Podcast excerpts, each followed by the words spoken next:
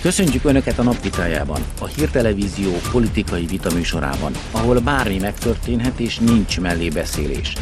Négy kézláb csúszott mászott Cseh Katalin. Kezdjünk!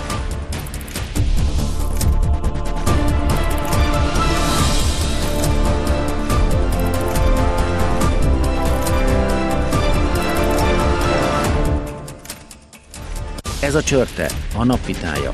Mai vendégeink. Lovasi András, aki szerint acélelvtárs idejében nem is volt olyan rossz a kultúrpolitika. Pataki Attila, aki azért vett részt a békemeneten, mert úgy érzi, a mi dolgunk a fény és a szeretet felmutatása, és ez a menet semmi mást nem akar. A résztvevők ugyanannyi időt kapnak érveik bemutatására, és ahogy az idő lejár, elnémul a mikrofonjuk. A vitát két elemző újságíró figyeli, akik a második részben mondják majd el véleményüket. Aki a szabályokat ma betartatja, Pindrok Tamás. Jó estét kívánok én is a nézőknek, és kezdjük is napi aktuális politikával, Cseh Katalin esküvőjével. Mennyire gondolják azt helyesnek, hogy így a magánéletbe a politika, a politikusok magánéletével foglalkozik? Hát én, mint rockzenész, elég nehéz helyzetben vagyok, mert ugye hát rögtön az írás mondja, hogy az vesse rá az első követ, aki. Tehát és én az életemben valószínűleg volt ilyen hasonló, de én azt hiszem, és úgy látom, hogy, hogy, hogy az is lehet, hogy Cseh Katalin tud valamit, tudod, általában azt mondtuk, hogy fehér asztal mellett dőlnek el a dolgok. És mi van, ha nem tudjuk a titkot, hogy most már asztal alatt? Lehet, hogy asztal alatt dőlnek el a titkok. Érdemes oda figyelni. Hogy látod? András? Én azt gondolom, hogy abban a világban, amelyiket az influencerek és az Insta és egy, az, az online felületen mindenki a magánéletét árulja, én értelemben ez valószínűleg a politikusoknak is egy vonzó felület lehet, ahol népszerűséget hajhásznak és vadásznak, és ilyen értelemben van, mikor becsúsznak hibák, ugye van, amikor valaki más ö, juttat erről ilyen dokumentumokat, ahol éppen önfeledten szórakoznak, a, a, a sajtó nyilvánosság elé, és aztán utána magyarázkodni kénytelenek van, hogy jobb esetben le is mondanak, de alapvetően azt gondolom, hogy mindenkinek van egy része az életének, amelyik szerintem ö, nem tartozik a nyilvánosságra, és védeni is kell.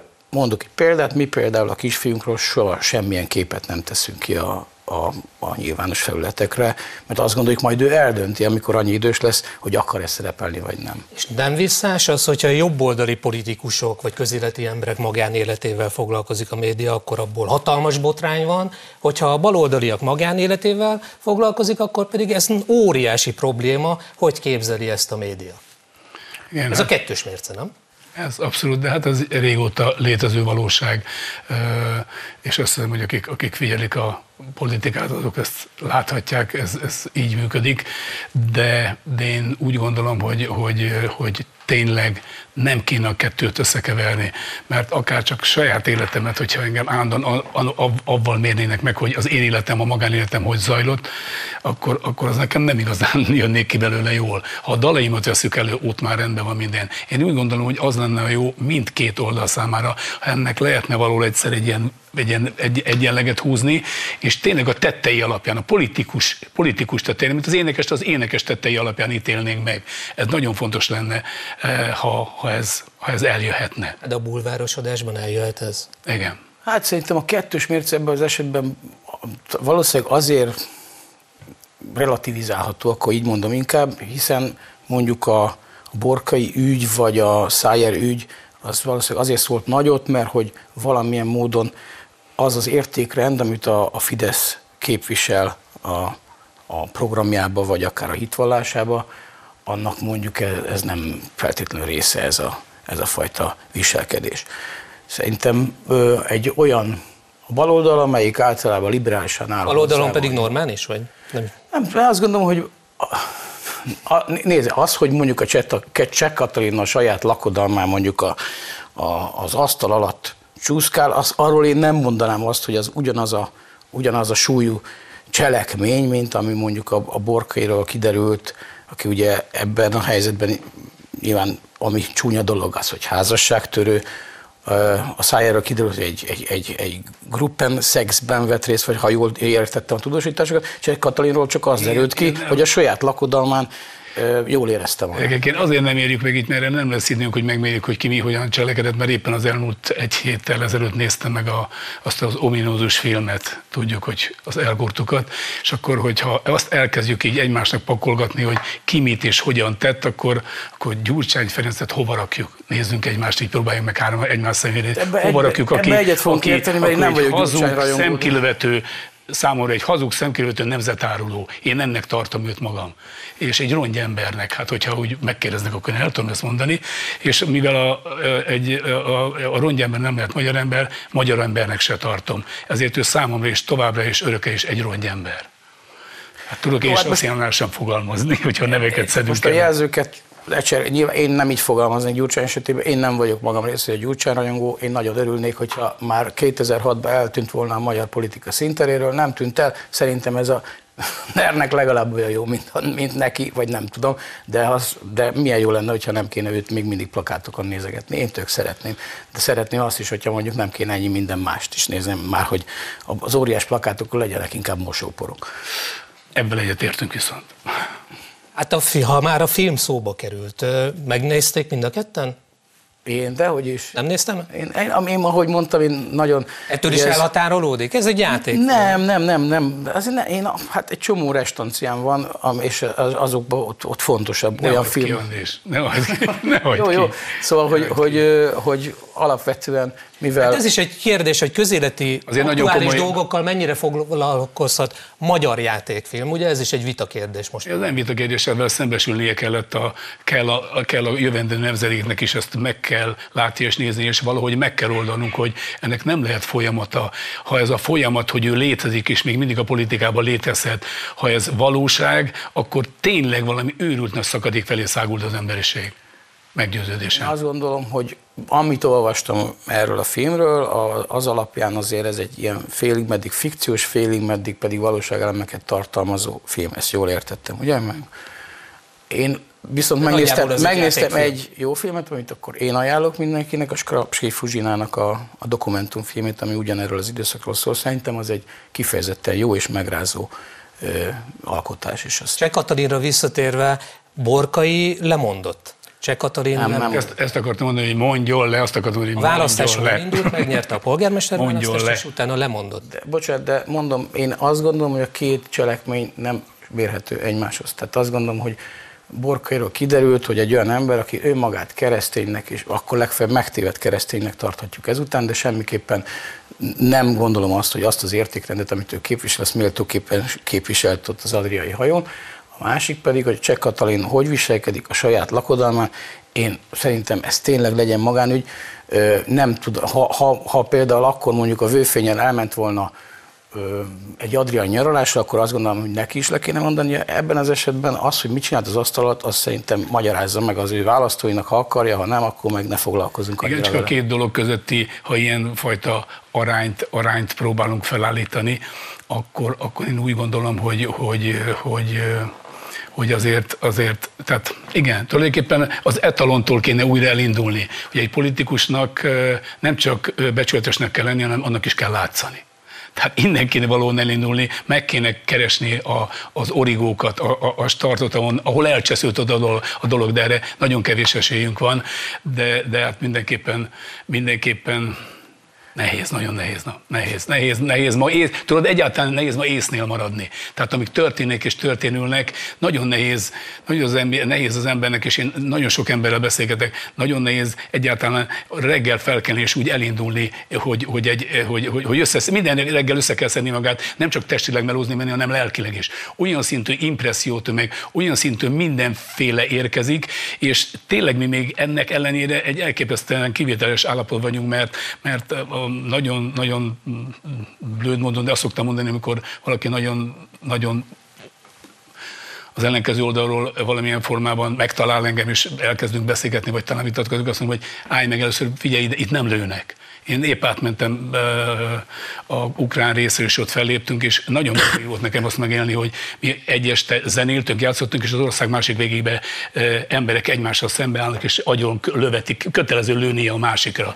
Tehát én innen indulok el, a, a, a, az eredendőt kéne megtalálnunk. Hát azt meg nem itt, nem itt kell keresni, mert itt nálunk azért, a, ahogy látom, mindenképpen beindult az a völd tébolyda, hogy mindenképpen felforgatjuk a világot és a normalitást. Én att, att, att, attól nehéz reggel indulni, azt mondják, akikkel beszélgetek, mert, mert egyre abnormális a világon állnak szembe, sőt nem abnormális a világ, amit el kéne így fogadni, hanem a világ, ezt az abnormális világot kell magunkévá tenni lassan, és ez szerint állítólag élni. Nem akarunk András? ez szerint élni. Nem akarunk. Hát nem akarunk. Nem akarok, nem akarok szakállas nőkkel találkozni. Most a gender lobbyról beszélünk. Igen, és nem, és, és nem akarok kifestett szájú rúzsos palikkal. Legyenek, vannak kész mindenki úgy éli az életet, akarja, akarja, csak ne kényszerítse rám a gyermekeimre, az unokáimra, a jövendő képemre, hogy nekem ezt, ezt nekem is vele együtt kell élni. Nem akarom, nem akarom. A mi életünket akarom élni, azt, amit apáink és anyáink éltek. András?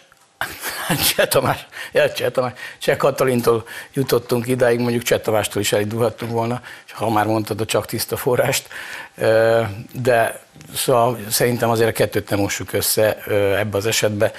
Szerintem tényleg, tehát te is elismerted, én is számtalan olyan példát tudnék mondani az életemről, hogyha valaki azt videózta volna, vagy valaki lefotózta volna, valószínűleg én is voltam asztal alatt, valószínűleg volt egy asztal, vagy, nem annyira. Vagy, hogy át, át az asztalon. Igen, Andis, csak abba, a, mindig az, az a különbség, mivel elkezdtük, hogy e, még arra rögtön, hörögve, örjöngve ráveti magát a liberális sajtó oldal és minden, ebben az esetben nem látszik olyan nagy rávetés, nem látszik olyan nagy, nagy kipellengerézés, minden. Ezt olyan aranyosan megcirolkáljuk a fejét, meg volt, ügyesen mászkáltál, jó van, semmi baj nincs. Gyurcsánynak a fejét is talán meg kéne simogatni, hogy semmi baj, hát egy kicsi egy pár szemet kilövetgettél, tönkretettél egy fél országot, elmondtad, hogy négy évig hazudtatok, semmi se csináltatok, semmi, de, de hülyéskedik, így, így bolondozik ez a fiatal emberke. Hát így éli az életét. Ja, az, hogy millióknak árt vele, az nem számít, az semmit. Szóval ez, ez azért torz, elképesztően torz, elképesztően torz. András? Torz nagyon aránytalan. Csak feldobja Attila a labdát. Ö, igen, csak mondom, a Cseh Katalin és a Gyurcsány nekem itt még megint nem csúszik össze, tehát hogy én nem akarom védeni őket, én már hogy így egybe, egy konglomerátumként, úgy nehéz védenem a szegény Cseh Katalint, hogyha hozzácsapod a Gyurcsányt is. Én azt gondolom, hogy ez egy magánéleti esemény, amikor kifejezetten jól szokták magat érezni az emberek, van, hogy tudatmódosító, akár legális, akár illegális szereket fogyasztanak, és annak hatására az ember sokszor még kukorékol is. Csak a reflexió más, csak más a bünti. Igen, csak az egészen más, más hogyha az ember, hogy én azt gondolom, bocsánat, hogyha a borkairól kiderült volna egy ilyen, kikerült volna egy ilyen videó, ahogy a feleségét elveszi éppen, és ottan így és úgy viselkedik, akár még lólengésbe is mehetett volna át, szerintem mondjuk az asztal alatt, szerintem senki nem foglalkozott volna vele, ez egy más súlyú eset. Én azt gondolom, hogy a Borkiról az derült ki, a, a magánéletére vonatkozó, az, hogy még üzleti szempontból is még derültek ki, háttérben azt azóta se nyomozza senki, sajnos egyébként, mert az érdekesebb, ugye, hogy milyen üzleti lobbik, működ, működ, műk, üzleti lobbikat működtettek ők ott a városon belül a, ezzel az ügyvédúrral, aki rendelte a lányokat. Szóval, hogy, szóval egyszerűen az derült ki erről az ember magánéleti szempontból, hogy egy házasságtörő, és mint olyan, egy olyan értékrendet képvisel eközben a nyilvánosság felé, amiben ez nem fér De bele. Cseh Katalin a Momentum programban nem szerepel, soha. bocsánat, a Cseh Katalin a Momentum programban nem szerepel az, hogy a, házasság, a, házasság, a házassági esküje után nem fog alá menni az asztal alá. Igen, igen. Ha ez nekik belefér, hát Ám legyen. Ahogy, szok, ahogy mondja Robert De Niro-nak a portása taxisofőrben, neked ettől áll fel cowboy.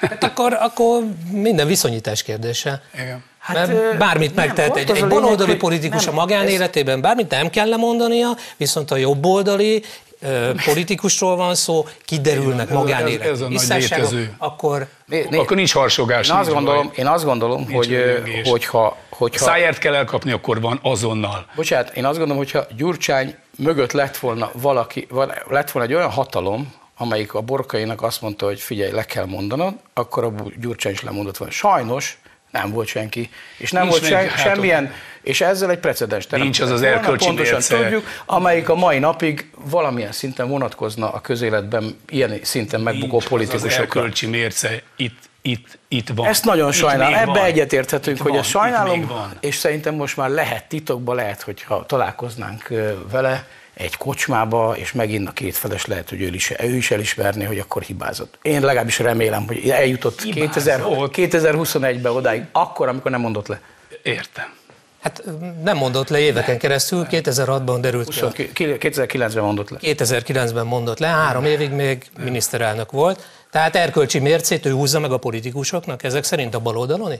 Hú, ez kemény Nem, lenne. nem ö, nyilván reméljük, hogy nem. De azt gondolom, hogy Cseh, Cseh Katalin mondjuk magánéleti ö, járása, az nem mérhető össze az általad említett, azt gondolom, szerintem is ö, minimum, nem, mondjuk ki bűnökkel, amit elkövetett október 23-án. Uraim, itt folytatjuk, mert lejárt az első félidő. Ne menjenek messzire, jövünk vissza.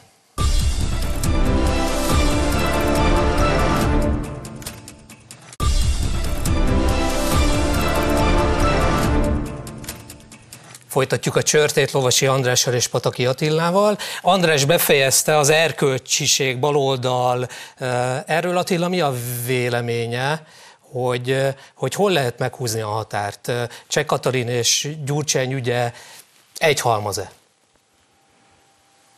Nem, biztos, hogy nem. Tehát biztos, hogy nem, ebben igazán Andrásnak. De, de hát mind a kettőt, ha külön elkezdjük szétszedni, és elemezgetjük, akkor, akkor tulajdonképpen egyik se illik bele a képbe. Természetesen egyik se illik bele a képbe, és ahogy mondtam, tartom most is, hogy a politikusnak nem csak becsületesnek kell lennie, hanem annak is kéne látszani. A magánéletében is úgy kellene viselkedni, Elméletileg mint igen, ahogy igen től, tőle megkövetel, tőle, igen, megkövetelhető lenne. De én aztán nem játszom el a fakírt, tehát élje mindenki a maga életét. Elméletileg itt az a lényeg, mindenki saját magáért vállal felelősséget az életébe. És amit tesz, és amit kibocsát energiát, és amik a tettei az élete során végig, azt azért elmondom, hogy el ne felejtse se csak talán, se Gyurcsány, senki, mi se felejtsük el, hogy puttony van a karma törvénye, az mindezeket felülírja. Viszed magaddal, amit, amit úgy végigvittél, hiszen semmi nem marad itt, semmi, nem az a fontos, amit marad utánad, amit odátra viszel magaddal. Az meg mindig egyénre szabott. András? Ö, menjünk szerintem tovább. Menjünk tovább. Szerintem is menjünk tovább. Lesz egy témaváltásunk, ami azért nem olyan nagy témaváltás, mert hogy Andrásnak volt egy nyilatkozata nemrég, és erről lesz szó mindjárt. Szálljon be ön is. Küldje el a véleményét a 0630 654 77 28-as számra, SMS-ben, Viberen vagy Whatsappon, és legyen öné a nap kommentje. Megénekelte új lemezén a NER lovagok jelenséget Lovasi András. Az énekes egy interjúban azt mondta, irritálónak tartja, hogy a NER eluralkodott a közbeszédben és átalakította mindennapjainkat.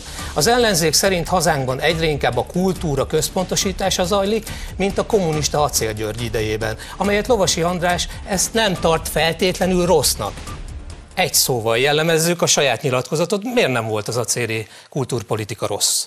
Ó, ez egy kicsit zanzásítva van itt. Egy, egy szóval úgy tudnám jellemezni, hogy egy mondattal, köszönöm szépen. Tehát, hogy azért nem ezt mondtam, tehát ugye kicsit így ez össze van így mixelve, de A magas- megpróbálom magas akkor, kultúra. Akkor megpróbálom most pontosítani magam azért, mert azt gondolom, hogy a 60-as, 70-es években ö, egyrészt statisztikák szerint akkor olvasott magasan a legtöbb ember könyveket, kultúrát, magas kultúrát fogyasztott, nagyon, na, nagyon nagy hányada a népességnek, és tulajdonképpen bizonyos szempontból a magas kultúrának egy soha nem látott virágzása volt, akár, de még hogyha az alacsonyabb kultúrára gondolok, mondjuk például az Attiláik is ugye a 70-es évek végén futottak be, tehát hogy, hogy ha azt nézzük, hogy a, például a, a, az akkori nagy, generáció, nagy generációhoz köthető popzene milyen elképesztő hatású és, és komoly értékeket tett le annak idején, akkor elég csak a mi műfajunkra gondolni, hogy azt gondoljam, hogy e, attól függetlenül, hogy ennek mik voltak az okai, és hogy Acél György tényleg egy baromi ellentmondásos figura,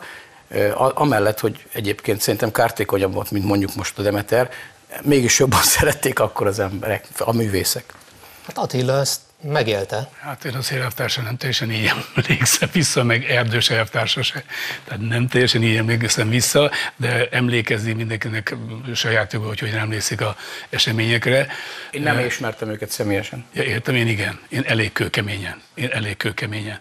És ez, ez, azért, ez azért a valóságtól nagyon messze van. Ez egy szép szaloncukorba, szaloncukor csomagolású valami, amiről... De ez, de ez egy napi téma, hogy összehasonlítják a mostani rendszert a Kádár rendszerrel, és De... sokszor az jön ki, hogy a, hát a Kádár rendszer az nem is volt annyira azért rossz. E, bocs, én szerintem rossz volt a Kádár rendszer. Én csak azt mondom, hogy ha azt nézzük, hogy mondjuk a száz év távlatában a, kulturális, a kultúrafogyasztás szokása és a kulturális eredmények így utólag hiszen eltelt annyi idő, hogy nagyjából látjuk, hogy ebből mennyi időtálló dolog született, azt láthatjuk, attól függetlenül, hogy az acél mennyit próbált ennek ártani, vagy nem ártani. Tehát én szerintem is egy, nem volt egy feltétlenül jó ember, vagy így utólag én úgy értékem, mint ahogy egyáltalán én nem vagyok egy nagy Kádár nosztalgiázó, tehát hogy félreértés ne essék, gyűlöltem azt a rendszert, míg a gyerekkoromban benne éltem, hanem azt gondolom, hogy utólag, objektíven megnézve az egy olyan korszak volt, amikor igenis komoly irodalmi alkotások, komoly zenék születtek, Akiket komoly, engedtek. komoly... De ezt objektíven nem is lehet nézni, hát ha ott éltél benne, és én végéltem, objektíven hogy lehetett nézni, amikor kiléptem nem a kocsiból, ott, én, akkor gyerek volt a hajam, és a zsarulnak nem tett, akkor fogta és egy gumibottal egyet jót végigvághatott rajtam. Tehát amikor, amikor megyékből tiltottak ki minket, kegyetlen harc volt. Érdekes, hogy, hogy, hogy, hogy ez, ahogy ezt, ezt, ezt, ezt lesimogatják, és valami egy kicsit a port leporolva, hogy nem is volt az olyan nagyon rossz, kegyetlenül szar volt. Azért írtuk el a dalt, azért lázadtunk, azért mentünk, és azért, azért tettük a dolgunkat, mert... Bocsánat, nem azt mondta, hogy élni jó benne, én azt mondtam, hogy a művészeti eredményei olyanok, amik lehet, hogy pont emiatt a presszió, nyomás vagy elnyomás miatt voltak olyanok, hogy a, a, a a, a, a második szándék, a hátsó jelentés, a, a titkos beszéd, az úgy jelenik meg ezekben a műalkotásokban, vagy direkt módon úgy jelennek meg, hogy igenis érezzük belőle, hogy milyen volt a káderrendszerben élni, rossz volt benne élni, és de viszont ez a, ez a művészeti lenyomata úgy jelenik meg, hogy a mai napig érvényes, és olyan általános igazságokat fogalmaz meg, akár a Spiró, akár a, hogy csak akár örkény, akár olyan, de... olyan drámák születtek, amit, amik mondjuk örkény. De ez a létezés folyamatos azóta is, tehát ezt most ezt is úgy kiemeled, és megsimogatod, és megpróbálod neveket emelsz ki, és ezzel mintha úgy helyre lenne rakva a dolog. Tehát a művészetről is, ha beszélgetünk, ez abszolút folyamatában zajlott, de mi, lá, mi lázadtunk az ellen, ami körbevett minket. Most ö, zajlik az élet, ö, a technológia, a technika minden fejlődött, és ma más formában létezik a művészet. De úgy van ez eladva, mintha most bezzeg, most aztán vég végképp a, a, a művészetek meg legyilkolása, deprimálása nem lehet, már szinte semmi se lehet csinálni ebbe a világban, amiben most élünk. Hát ne viccelj, hát most látod a X-faktor, X-faktor, minden a tehetségek olyan lehetőségek halmazát kapják, amit én az életemben közelében nem jutottam. Hát nekem ott volt Erdős Péter az élethalálról, ne színezzük, és, és ő döntött el, hogy kiből, ki, akár. Nekünk egyetlen szerencsék volt, hogy mi engem minket említettél, hogy vidéken voltam Miskolcon, és nem voltam szem előtt. Ennyi volt a mi mázénk. Lehet több rockstart említeni, akik elhagyták az országot, Ó, vagy meghaltak. Persze. Például. Ennek ellenére, bocsánat, bocsánat ne, megint arról van szó, hogy megint a személyes sorsról beszélünk, a személyes tragédiákról, nem, és nem én az eredmény. Attól, hogy a Sirius tönkretette a rendszer, attól a Sirius megcsinálta az ördög állarcos báját 1971-ben, amelyik, amelyik világszínvonalú lemez, és mindig meg lehet hallgatni. Meg, meg létezik az az öt darab baksasós szám is, amelyik ránk maradt, Isten nyugosztalja szegény. De most is születnek nagyon jó nóták, a tankcsapda az apja, ki, a, a huligánsz kutya jó nóták születnek, stb. Ez zajlik, tehát ezen, ezen, ezen nem tudom, mit, mit vitatkozni. Én azt, azt mondom, hogy valami. az, hogy ebből mi marad meg, és ezt ugye Demeter az utolsó nyilatkozatában, ebben 80-20-as, mikor az irodalmat felosztotta, és a nyugatból is csak annyi maradt meg, ő egy picit megelőlegezte az időszűrőjét saját maga, magának vindikálta. Tehát azt gondolom, hogy az már objektíven látható, bocsánat, hogy, hogy az első, mondjuk az első Edda lemez az egy klasszikus lemez, hogy az első hobó lemez, hogy az első két bikini lemez, amiben felvének. Ezek mind klasszikus, de, de, de, fontos ennek az, lemezek. az artulatnak, a politikának majdnem semmi köze nincs. Pontosan azt mondom, hát erről, ezért nem feltétlenül kell a politikáról beszélni. Azt mondom, ez, ez az acélkorszak, kulturális eredményeiről beszéltem. A széleltásnak ez az égvilágon semmi köze nem volt, legfeljebb akadályoztatott. Hát így van, de az akadály az nem feltétlenül teher alatt nő a pálma állít. Az biztos. Stb. stb. Hát ő segíteni, aztán ezen nem segített. Illetve csak volt az ember akkor sóhajtatott fel, ha megúszta a vele való találkozást, vagy az ütközést. Neki megvoltak a magyar maga szent tehenei, és azokat segítgette, és kész, és ennyi. Olyan. Kész. Ez, és ezért nem kell rácsodálkozni nagyon vadul, amikor, amikor netalántán végre nálunk is megjelenik az a forma, hogy, hogy végre segítjük egymást. Segítjük egymást. Figyeltünk. Egy, ez egész kárdász korszak alatt figyeltünk. Hát figyeltünk, és, és, Nyilván, meg, meg, meg, meg valamilyen módon egy sorokban, egy sorokban zavarta, az, zavarta a, egy branchban zavarta az, a, az akkori kvázi ellenzéket, vagy a kvázi ellenérzéseket. De komolyan össze lehet hasonlítani a mostani helyzetet az akkori rendszerre? Minden, mindig mindennel össze lehet hasonlítani. De hát itt, itt diktatúráról beszélnek, kulturális diktatúráról, mintha ugyanaz lenne, mint a Kádár Nem, ezért, az, nyilván aki megpróbálja leírni a NER működését, az sosem, az, az mindig hibázik szerintem, aki ezt diktatúraként emlegeti. Ez gazdasági szempontból is, meg, meg minden szempontból jelentősen különbözik a, a, a az akkori, mondjuk államkapitalista, akkor szocialistának mondott hatalomgyakorlástól, de mondjunk egy példát, akkor a mi területünkről, az mindenkettő jobban ismerjük. Például ugye Demeternek volt ez a mostani nyilatkozata, amiben engem egyébként megdicsért, vagy legalábbis én úgy értettem, hogy megdicsérem. Mindjárt Ézé, és azt akarom csak ezzel kapcsolatban elmondani, szépen jó szakmai programot átemelt, amit a Music Hungary Szövetség dolgozott ki, ő átemelt, és ezt állítja a kormányprogramát tette. Ennek ellenére én azt láttam, hogy nincs, nincs, András, nincs, nincsen már hangod, mert elment az idő. Bocs. Sajnos. Attila átadhat egy percet, ezt hallom, most a szerkesztők mondják.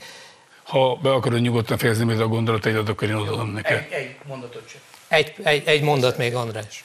Szóval, hogy ennek ellenére azt látom, hogy például a mű, mű, mű, műfajunkban is raktárkoncertek, hacacár és a többi teljesen értelmetlenül tűnnek el benne milliárdok. Egyrészt megy vissza az állami cégekbe egy nagyon jelentős része. Mi ezt úgy Igen. fogtuk fel, hogy segítség, támogatás, tehát De amiről a Kádár korszakban büdös, kibaszottú szó se lehet. Nem azt mondom, csak ez ugyanolyan, mint az EOC program, ami a Kádár korszakban volt, szintén az EOC program milliárdokba került, és semmi értelme nem volt és ez is csak arra jó. Az nem, a, a, a, a, a, a, te meg én igen, már spiccen vagyunk. A, a, a, a kérdezd meg azokat a zenészeket, akiknek, akik hónap, akiknek a létezését legalább hónapokkal meg tudta hosszabbítani, vagy könnyíteni.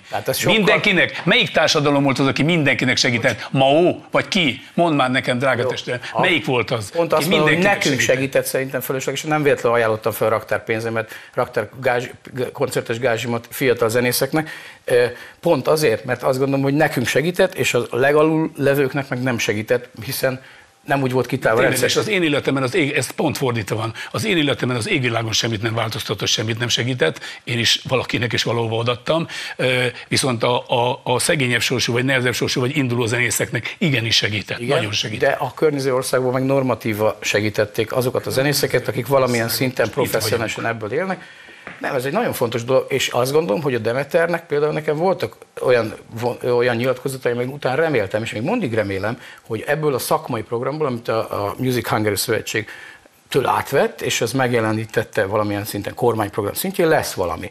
A tehetséggondozás, stb. Ma, mai hír, hogy, hogy lesz. Egy percet adtam. Csak, igen, csak Attilának hagyjunk, hagyjunk még időt, mert igen, az ő idejéből ment. Attila, a mai helyzet, a mai kultúra támogatás, rockzene támogatás, amiről András is kritikusan beszél, milyen?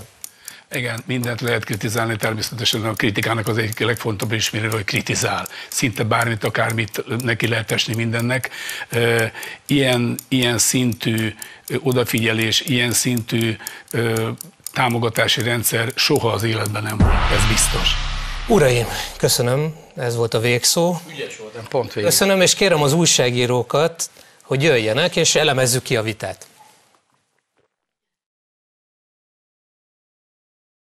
Önök továbbra is a Csör Téta napvitáját látják, a hírtelevízió politikai vitaműsorát, ahol nincs mellébeszélés.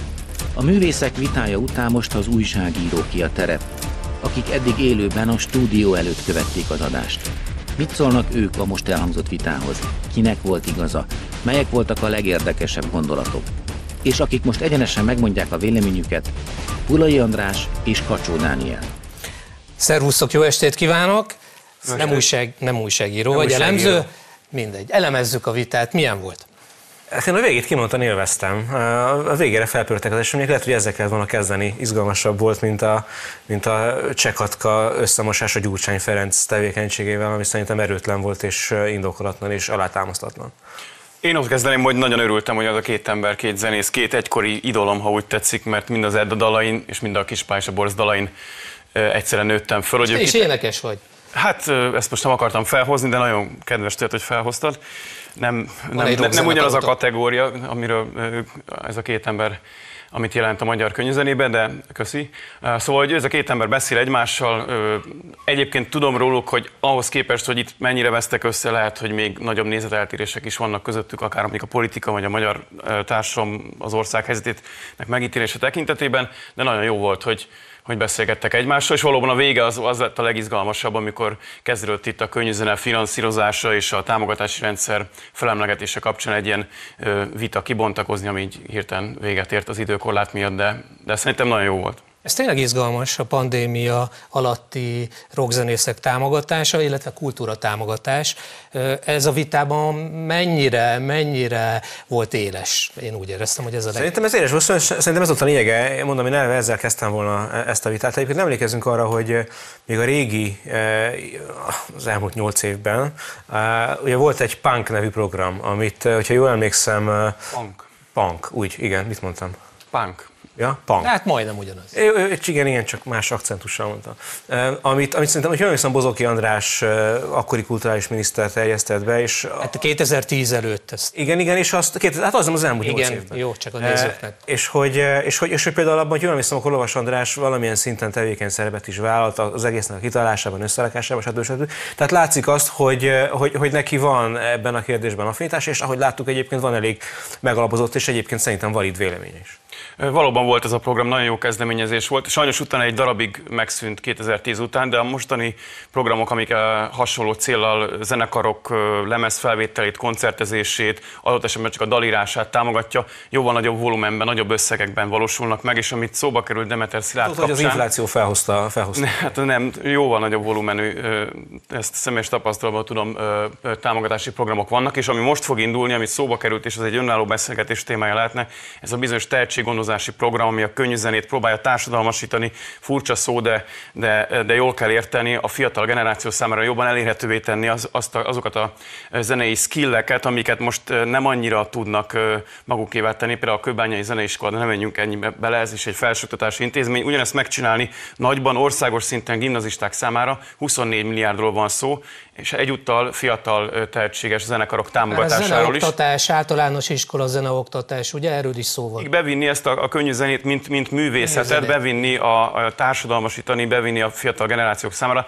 Nekik inkább ez a zene nyelve, mint Mozart, még akkor is, hogyha ez lehet, hogy nincs jól így, de ez akkor is tény. Ezt tegyük hozzá, hogy ez Demeter Szilárd programja. Így van, tehát... Hát csak a kritikát olvasjuk Demeter Szilárdról, de azért van ilyen is. Hát ahogy jelzott, azt hiszem, ez egy Music Hungary zenei szövetség által letett programnak az átvétele, vagy, vagy legalábbis részbeni átvétele, ami egyébként gondolom teljesen rendben van. Az egy kicsit sajnálom egyébként, hogy a, jól emlékszem, talán 2006-ban vagy 2007-ben indult akkor MR2 néven indult megújított Petőfi Rádiónak a koncepcióját, az, az a, kormányzat eléggé lesöpörte a kormányváltás után, és azt a Eh, hogy a magyar eh, konyűzenei kínálatot hát de most nem igazán sikerült. Eh, most is van, csak egy teljesen más koncepció mentén megy, és egyébként teszem hozzá, most kezd visszakanyarodni, nem régen kanyarodott vissza a koncepcióhoz, ami a kiinduló koncepciója volt, amit szintén a, a Hiller bozoki időszakban hoztak létre. És, és sajnálom, hogy tényleg kimaradt kb. 10 év, vagy nem tudom, 8 év ebben a helyzetben, amikor tényleg a, a magyar lakosság egy nagy részéhez nem igazán juthatott el a magyar könyvzenének egy olyan minőségi válogatása, amit a Petőfi Rádió abban az időszakban is talán most újra csinált. Amikor a, szerintem, ahogy nem Bozóki és nem Hiller alakította ki az akkori Petőfi Rádió struktúráját vagy irányvonalát, úgy, úgy nem az Orbán kormány söpörte le. Ők tehát, meg kettő... a megbízást az a rádió akkori vezetőségének, hogy alakítsák át a rádió struktúráját, és két tók rádió helyett, ugye a Petőfi meg a Kossuth rádió helyett legyen egy tók rádió, meg egy, egy, egy kortárs zenei rádió, De nem a kormány, ami akkor, ami nem akkor a kormány alakította volt, így a, a rádió struktúráját, tehát nem az Orbán kormány söpörte le azt a struktúrát, és nem az akkori Gyurcsány bajnai kormány alakította olyanra a Petőfi Rádió. Csak egy nagyon éles példa, nagyon más példa ezek meg, hogy így legyen, és utána a szakemberek meg kialakították. Dani, hagyd mondja végig, mert... Nagyon éles példát fogok mondani, és behozok egy olyan témát, amin megint beszélhetnénk sokat. Én úgy tudom, hogy például Karácsony Gergely megbízást adott egy vagyonkezelőnek, akit most kénytelen felülvizsgálni, mert az nem azt csinálta, amit ő mondott neki itt a városház eladása kapcsán. Hát én, én, Tehát, hogy, hogy azért, most azért... ez egy éles váltás, de maradjunk itt. És nem egy könnyű zenei kérdés, de, ha már, de, de ha már ez elhangzott, akkor az egyenes beszéd, az talán szombati vagy szerdai adásában a főpolgármester helyettes elmondta, hogy semmilyen megbízás volt. Készült egy koncepció, ahol öt változatot tártak eléjük, már hogy a főpolgármesteri kabinet elé, aminek, amiből az egyik volt az az, hogy esetleg lehetne máshogy is hasznosítani a, a főpolgármester polgármesteri hivatal épületét, meg területét, és azt lesöpörték az asztalról egy évvel ezelőtt, e, és izgatottan várják, gondolom, mikor mi adásba kerülünk hétfőn, már ki fog derülni, hogy a egyébként Tarlós által kinevezett vagyonkezelő vezetője a szakás, saját szakálára éppen milyen biznisz akart előkészíteni. Dani? Itt arra akartam kitérni ezzel a példával, hogy ne használjunk szerintem olyan kifejezéseket, hogy egy kormány lesöpör mondjuk egy, egy, egy, egy médiumnak a politiká, műsorpolitikáját alakító vezetés. Szerintem nem, nem így történt, és ahogy a beszélgetés során is szóba kerültek itt a művészettel kapcsolatos. A kormányváltással. Tehát a, a, a, a Magyar Rádiónak az a vezetősége, le lett váltva a kormányváltással, és, és azzal az a zenei válogatás és zenei struktúra, az megszűnt, sőt egyébként ugye az MR2 Hát egy, Vissza lehet nevezni Petőfi rádióvá. Tehát, hogy... Egy poposabb rádiót alakítottak ki, azt hiszem. Én csak a, lesö, én csak a lesöprés szót vonal. akartam hogy tisztázni, meg hogy egy kormány lesöpör valamit, az azt, hogy nem teljes, pont így történnek a dolgok és személyi változások voltak, és lényegében minden, ami abban az időszakban volt. A Magyar Rádiótól 400 embert küldtek az első körben, aztán még néhány százat a következő körben, tehát hogy amennyire lehetett a, a Petőfi Rádió főszerkesztőjét, ugye, fú, nem is hiszem, Horváth, valaki mondja meg a nevét, nem tudom, hogy majd eszembe fog jutni, Őt is, el, őt is elzavarták, teszem hozzá, hogy most együttműködik Demeter Szilárdan nagyon sok szakmai kérdésben. Tehát látszik azt, hogy, hogy az az időszak kezd visszajönni, csak mondom, volt egy kb. 8 éves ilyen... Klasszikus Petőfit meg a gyurcsányék alatt szüntették meg. Ahelyett lett ez a rock alternatív rádió, zenei rádió. Nem? Én is így hát akkor de, de... voltak elbocsátások. Jó, Abban bizonyosan egyetérthetünk, vagy hát hogy javasolnám, hogy értsünk egyet, hogy a, az elmúlt eh, néhány évben, és különösen most olyan lehetőségek állnak a, a könnyűzenét eh, szakmát viselők, eh, művelők számára, amik, amik nem voltak soha korábban. Ezt nem itt a programot. Szerintem hát nagyságrendileg ez egy integrált program, tekintve, nem? Célját tekintve megegyező program indul most, és zajlott egyébként a Nemzeti Kulturális Alap részéről hasonló pályázatokkal az elmúlt években is, mint a PAN program, csak nem ilyen szépen nevezték el, mint annak idején a Hillerék. A branding az fontos. A nagyságrend viszont szerintem sokkal nagyobb. De a kultúrafinanszírozás ez egy fontos kérdés, és az is, hogy kultúra, a dik- diktatúra van-e a kultúrában, mert a baloldali médiában szinte nem nyitjuk ki úgy a népszavát, hogy ne olvasnánk erről. Van-e? Szerintem nincsen. Én rendszeresen kinyitom a népszavát, mert egyébként nekünk együttműködés van a népszavával, kutattunk a népszav megbízásából, e, és én nem olvastam soha se azt, hogy diktatúra lenne e, a, a, a magyar kultúrában, legalábbis a népszavában nem lehet, hogy máshol ez, ez volt, e, de én sem gondolom Ezt azt egyébként. olvasni. Lehet, hogy másik népszavát olvasol, vagy, vagy lehet, vagy lehet, lehet, Egy népszava lehet, hogy az archívum, az archívum olvasol a népszavát még a, a 70-es évekből, de hogy a mostani, mostani időben ilyen is, és egyébként szerintem sincs. Tehát, hogy nem gondolom azt, hogy diktatúra lenne Magyarországon ilyen pillanatban a kultúrpolitikában. Ez, ez dicséretes dolog, ha azt mondod, hogy nincs, mert a baloldali média szerint, mintha minden nap ezt olvasnánk, hogy az van. Hát Demeter Szilárdról is, nem? Ő az új acélgyőr. Hát, eh, hogyha ő ilyen ambíciókkal eh, nem, bír, akkor... ezt mondják róla. Nem ilyen ambíciói vannak, ezt mondják róla, az másik dolog. Hát azért, hogy mondjam, eh, hogy mondjam önt olajat erre a tűzre a megnyilatkozásaival. Neked nem olyan régen nyilatkozott. De igen, igen. Az kétségtelen most az elmúlt napokban kavart némi port egy-két mondatával egy ilyen... Hát az, az magyar irodalom eléggé... százalékát kikukázná a saját maga szerint, ami szerintem a, a, az ő pozíciójából egy nagyon nehezen értelmezhető mondat. Mint magánember egyébként lehet bárkinek ez a véleménye, de ő szerintem nem tud az irodalommal kapcsolatban magánemberként megnyilvánulni.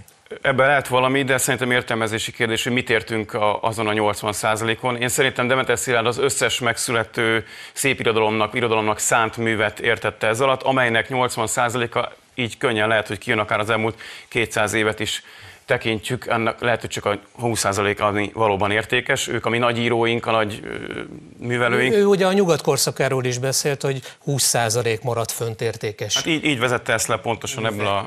a nyugat um, időszakában. Uh, hogy mondjam, tisztán matematikailag meg tudom védeni természetesen Demeter Szilárdot. Volt egy, van, egy, van, van, egy Pareto nevű közgazdász, egyébként kommunista volt, aztán Mussolini-nek lett az egyik fő ideológusa. Hát aki sok a, kommunista lett Nyilas is itthon. Aki, aki, aki, aki egyébként megalkotta ugye a, a, a Pareto egyensúlyt, ami azt mondja, hogy minden tömegtermék, mert minden egyéb ilyen dolog, amiben értelmezhető, hogy sok és kevés találkozik egyszerre, tehát kevés műalkotás, sok fogyasztó. Kialakul egy 80-20-as arány, 80%-ot nem fogyasztjuk, 20%-ot fogyasztjuk. Ez, ez az élet nagyon sok területén érvényes az a Pareto egyensúly, és így ilyetén formán természetesen valószínűleg azok, akik mondjuk fogyasztanak könnyű zenét, fogyasztanak irodalmat, azok mondjuk a teljes terméknek maximum 20%-a iránt érdeklődnek, és 80%-a iránt nem. Tehát mondom, ezt matematikailag közgazdaságilag magánemberként nagyon sok dimenzióból le tudom, le tudom vezetni, sőt, még azt sem mondom, akár egyet is tudok vele érteni, de ő ezzel a megnyilatkozásával, mint az irodalomért, a könyvzenér és a kultúra nagyon széles szegmensért felelős ember, ha úgy tetszik, Acél Györgyi magasságba igyekezett kapitulálni magát. Ez egy, a megállapítás, utolsó megállapítás semmiképpen sem értek egyet, az előtte lévőkkel azért részben igen.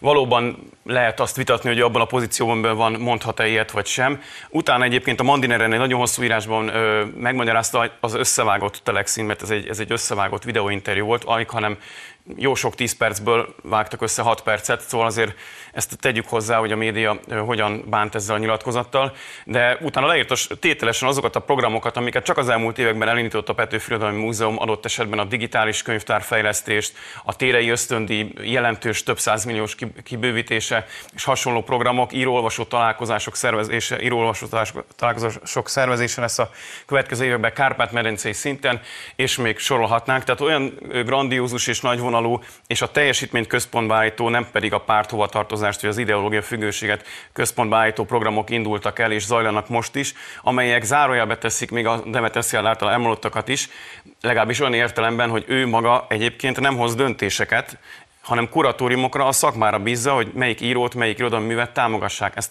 még abban az interjúban elmondta, ez nem került bele a végső vágott verzióba. Tehát ezek a dolgok azért tegyük mellé, amikor ezt a mondatot kiragadjuk, valóban erős mondatot kiragadjuk a, a, a környezetéből, és így szerintem egész a kép. Szerintem nagyjából annyi lehetősége van, külső szemlőként mondom, adott esetben még irodalmi tevékenységet végző embereknek is ma Magyarországon, hogy ez talán rég, rég nem volt csak a nézők is figyelnek minket, és kommenteket is írnak, a nap kommentje. Az a különbség Borkai és Cseh Katalin között, hogy az előbbi vállalhatatlan viselkedése miatt lemondott, a másik meg nem.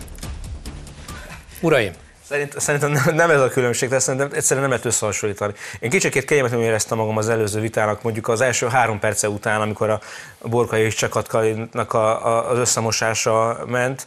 Magánéletről van szó. Most rendben van, hogy Borkai Zsolt tett, amit tett. Hát szerintem nincs rendben.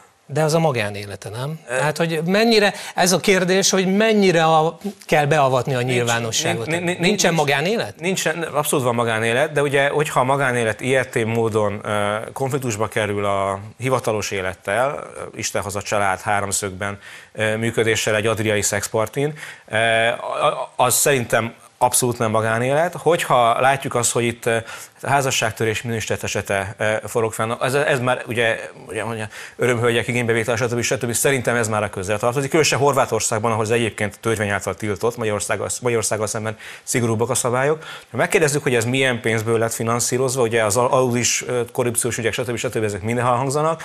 Hogyha azt megnézzük, hogy, hogy ugye elhangzott, hogy ott esetleg drogot is fogyasztottak, bár azt nem lehetett bizonyítani. Hát hogy, hogy, hogy, hogy, hogy, elhangzott, is, de az ilyen formán nem történt meg.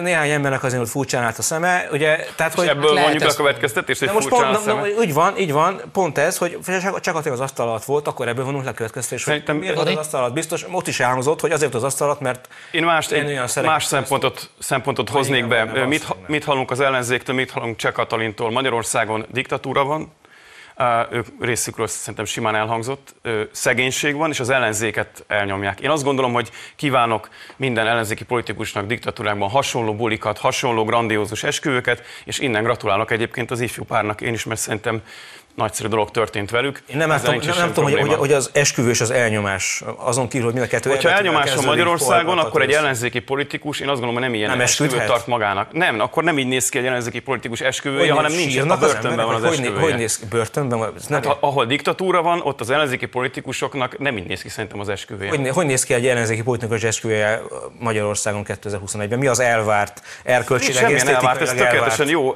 esküvő volt számukra, szerintem szó sincs róla. Tehát örülök a boldogságnak. Akkor minek, minek kéne meg, nem értem, minek kéne megfelelni esküvő Cseh Katalin azt mondja, és az ő eszmetársai, a magyar ellenzék, összemosom őket, hiszen most már egyben vannak, hogy Magyarországon diktatúra van, elnyomás van és szegénység van, akkor az ő életmódjuknak és az esküvőjüknek is, és minden rendezvénynek, amin részt vesznek ilyen formában, amit ők szerveznek, ezt valahogy tükrözni Uraim, Én azt láttam, hogy egy boldog lejárt, pár és, és egy gazdag esküvő. Lejárt az boldog időnk. bárki az esküvőjén, könyörgöm, ne Legyen is. El, ne legyenek, boldog, legyenek boldogok, ti is legyetek boldogok. Köszönöm a nézőknek is a figyelmet. Mag Zoltán rendező és Vidák Almis Sarolta felelős szerkesztő nevében is. Viszontlátásra!